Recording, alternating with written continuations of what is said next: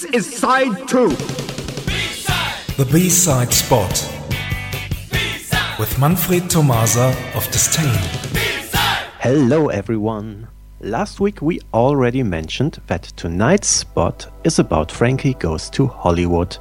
Oren, you do have exactly one minute to talk about the band now. Okay, starting now. Uh, Frankie Goes to Hollywood formed in 1980 by the vocalist Holly Johnson, and uh, during the short time chart success, in fact, only three years between 1984 and 1987, they have made many musical propagandas. Their 1983 debut single, Relax, was banned on the BBC Radio 1 by the disc jockey Mike Read. He was playing the record on his show when he noticed the front cover design of the single. Yeah. and of course the lyrics, and he decided to remove the single from the turntable live on air. he said, I'm not gonna play this, you know, no, I'm sure I'm not gonna play this, thank you, goodbye. And damn it, that's it.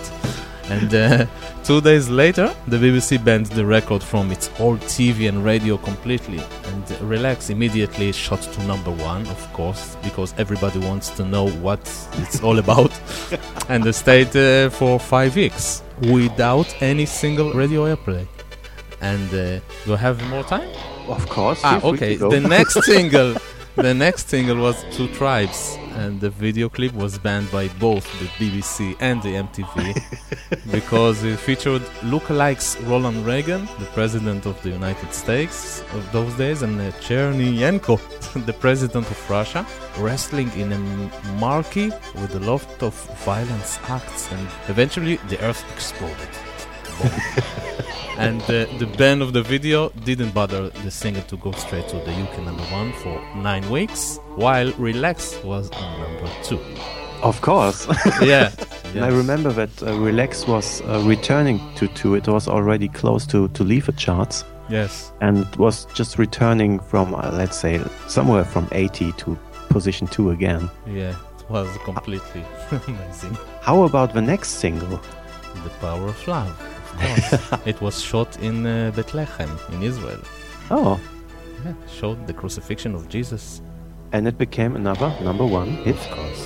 the third one in a row and uh, the latest, I think. And after these three UK number one hit singles and the UK number one debut double album, Welcome to the Pleasuredome. Welcome. Yeah. ZTT released a fourth single in March 85. Welcome to the Pleasuredome. It reached position 2 in the UK chart, so it was the first song not to reach number 1. But, like for example, included two exclusive B-sides, a cover version of Marc Bolan's Get It On, and a Frankie song called Happy Hi, which Oren is going to play now. Thanks for listening and see you somewhere in time. Thank you, Manfred. See you next week. Thanks, Oren. Bye bye.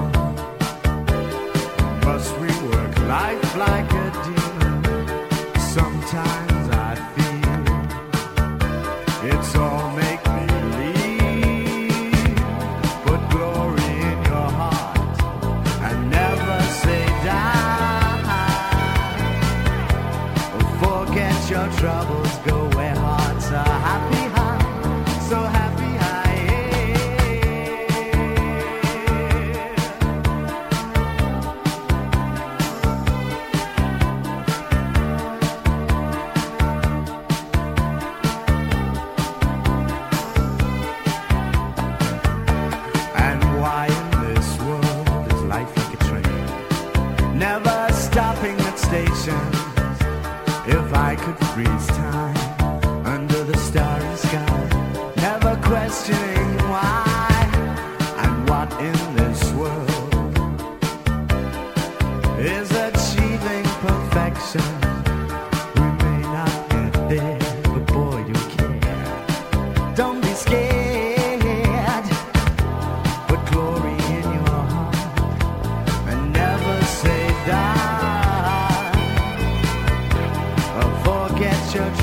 troubles